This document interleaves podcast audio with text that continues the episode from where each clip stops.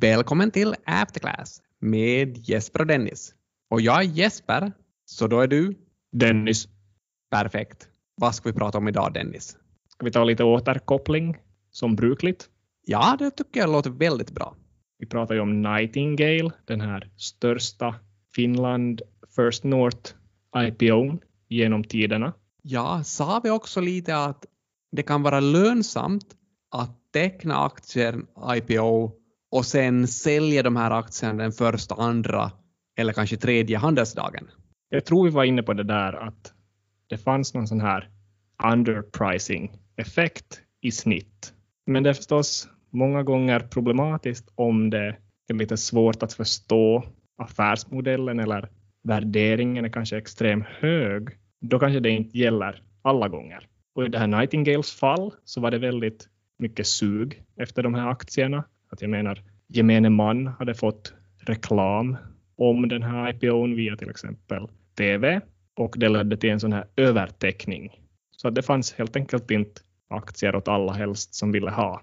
Så man tänker på basen av det att den här aktiereaktionen de första handelsdagarna skulle vara ganska bra eller gynnsam. För om inte man har fått så många aktier man vill ha, så då skulle man då köpa de här aktien, aktierna på aktiemarknaden för ett högre pris. Så skulle man kunna tänka. Täckningspriset var ju 6,75. Direkt då handeln inleddes såg man egentligen ett, ett fall på minus 30 procent, ungefär till någonting 4,72. Så det här hänger ju inte alls ihop med den här situationen där en övertecknad nyemission skulle leda till en gynnsam utveckling de två, tre första dagarna efter nyemissionen. Nej, det vittnar lite mer om en sån här teckna först och sälj snabbt kultur och lite sådana här snabbvinster. Att man vill åt snabba cash. Man var kanske inte så intresserad av själva bolaget. Kan det vara så att om man har reklam på nyhetskanaler och jag har också fått reklam om det här på Twitter till exempel, om att teckna Nightingale-aktier, så kan man bygga upp ett begär för de här aktierna som egentligen inte finns. Mycket möjligt.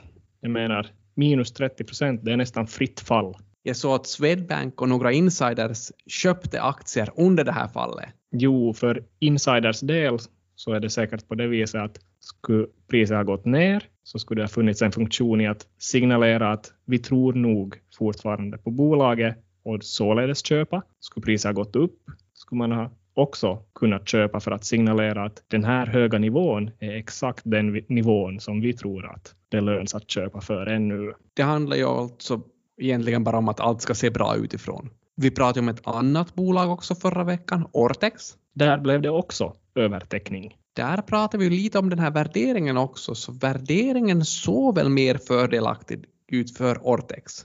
Absolut lite sundare och kanske också fler finländare till exempel förstår sig på de här ämbaren och de här plastprodukterna som man dag ut och dag in håller i sina händer. Så vad tror vi? Blir det fritt fall eller underpricing? Ja, det, det, vi kan ju spekulera nu för att ingen kan ju längre teckna aktier i Ortex, utan teckningen tog ju slut i måndags. Så vi kan ju spekulera och säga att jag tror faktiskt vi kommer att få se en positiv kursrörelse de här första dagarna.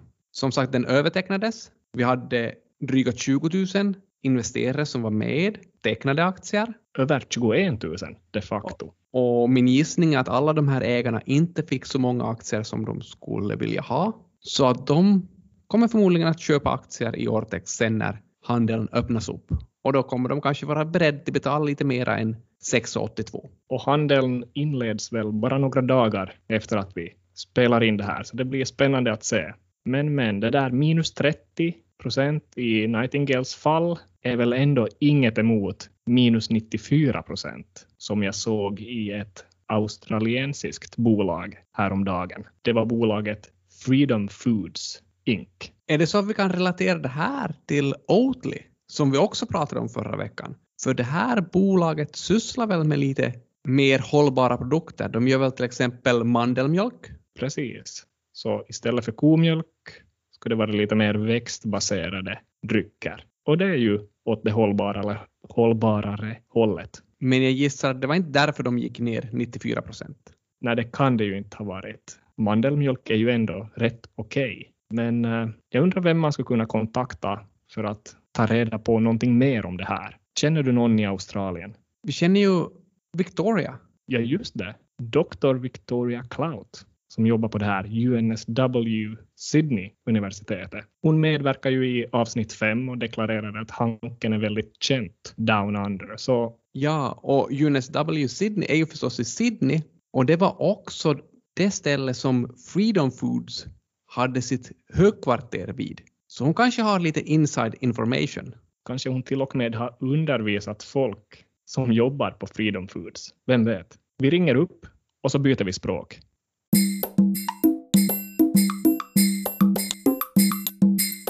Okay, now I think I, we have Victoria wi- with us here on the line. So Victoria, are you there? Hello. Perfect. There's happened a lot of things since we last talked with Victoria.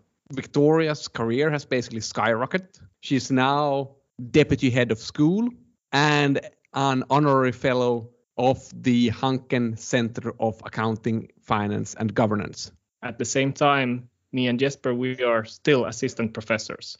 So things happen for some people, and maybe one day we will also become deputy head of Hanken, co-deputy heads Yeah. of Hanken. then.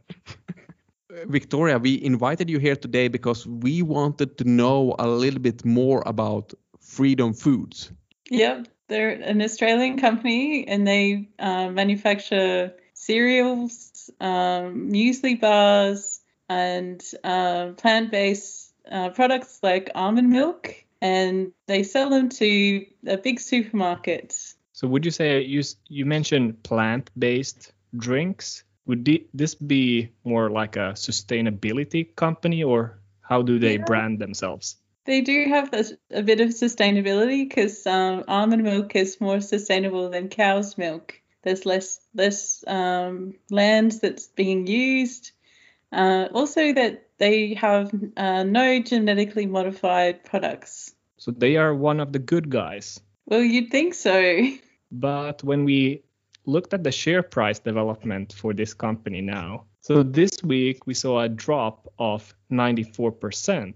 So that's a lot. So what stock was- happened? The stock was suspended for nine months. Suspended. So what does that mean? So no no one's allowed to trade in the stock.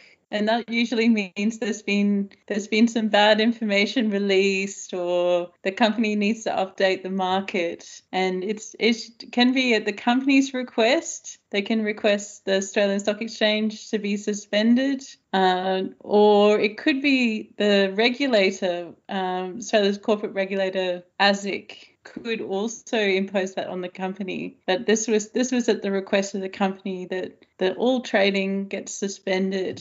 So what kind of led up to this suspension? So there was some accounting irregularities that were uncovered, and these were some ag- aggressive capitalizing of expenditures, uh, things related to their new product line, um, and also they now have two securities class actions against them. So their shareholders are suing them for this misleading and accounting information that they they were giving. So you say capitalizing expenditures. So that means like putting expenses on the balance sheet as an asset instead of just expensing it right away on the income statement, right? So what kind of expenses were these? So they were capitalizing things like electricity for the new product lines and the the equipment that they they they built and created, but they decided to be capitalizing a lot. They would not should not have been categ- categorized as something that was going to give um, future a future revenue stream. So what's kind of the effect for the profits of capitalizing? So it, it yeah it'll it decreases the expenses and because it puts them onto the balance sheet as assets. So it would increase the net profit by yeah removing those expenses. It definitely sounds like electricity should be like expensed right away because it's like an operating expense and it's Yeah. hard to argue that electricity a couple of years ago can be like depreciated in the future. But that's basically what they argued here. Yeah. So it was it was very aggressive in terms of capitalizing. So yeah, going beyond what anyone probably thought was reasonable. Aggressive accounting. Did the auditors okay this? They did. They were they signed off, and then when questioned, they said no comment. And, and it was a client company com- client and auditor privilege commentary. They didn't want to go into it. So and it all all of this kicked off because of a, a whistleblower who was maybe inside the company notified the, the Australian regulator ASIC there was something fishy going on. So it wasn't yeah, it wasn't the auditor who just discovered this. Some a whistleblower came forward. So yeah. Okay. So if I look at the numbers a bit, they had like huge amount of revenue growth over time. So they started off somewhere in 2015 with around 100 million in revenues. And in 2019, they reported something close to 500 million in revenues. So big revenue growth. And I think the market loves that, right? Yes, they're quite fixated on it. And that's often what will get headlined in earnings press releases on and in the news reports chasing people are chasing those those revenues yeah and then when i looked at the original 2019 financial statements they reported a 22 million profit but mm-hmm. then it was restated in 2020 as being a loss of 146 millions instead. So it was quite a huge turnaround. It and was. then in 2020, they reported a loss again of 175. So these losses then became to life due to the uh, aggressive accounting that was reversed then. And and it made that some of the new product lines that they were selling that they were actually selling them below cost so they were then making losses on, on products that they were selling because they hadn't factored in those expenses. So it was part of part of this this huge loss, yeah, that they got themselves into. I mean, one question, Victoria, here is that could we as investors somehow have seen this coming? There, there could be some clues in the cash flow statement and bringing together the income statement information of of the how the revenues are tracking versus the cash flows from operations, you can you can see that there's there's something not quite right. And often the cash flow statement is quite helpful for us to to try and understand the real picture because it's harder to manipulate cash flows and also very very large outflows of uh, cash flows in investing starts to to put a bit of a question mark yeah, so you basically say that okay, the profits on the income statement told us one thing that things were quite stable, but when we look at the cash flow statement, we saw that the company was actually spending a lot of money, but it didn't have any, any impact on the profit because they were just capitalizing these expenses. So maybe one thing we could do as like analysts would be to check how is the profit accounting profit evolving over time and compare that with the like free cash flow for instance. And if these guys start diverting from each other that would be some kind of a red flag. Yeah that's right.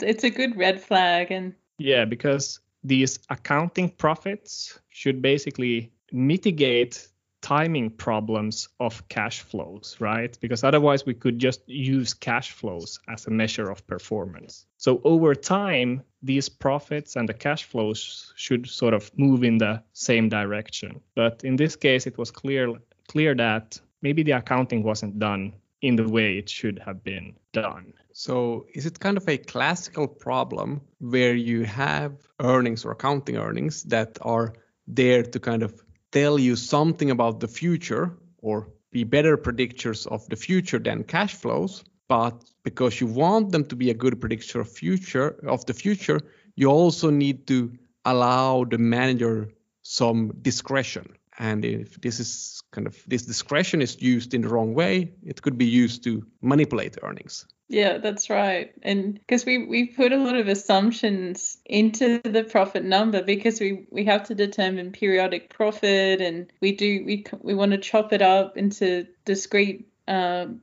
you know 12 month periods and and some of those yeah assumptions can be too aggressive and th- these these were assumptions but they're aggressive. So that's a, it's an important thing yeah that the net profit number has assumptions in it which can be can be a force for good for determining periodic profit but could be a force for bad in a way that if they're used aggressively. Victoria would you say that this is kind of a school book example of a of earnings management? Yes definitely. And I, I, yeah it's it's a great a great case study for students to look at and to to see what can go wrong.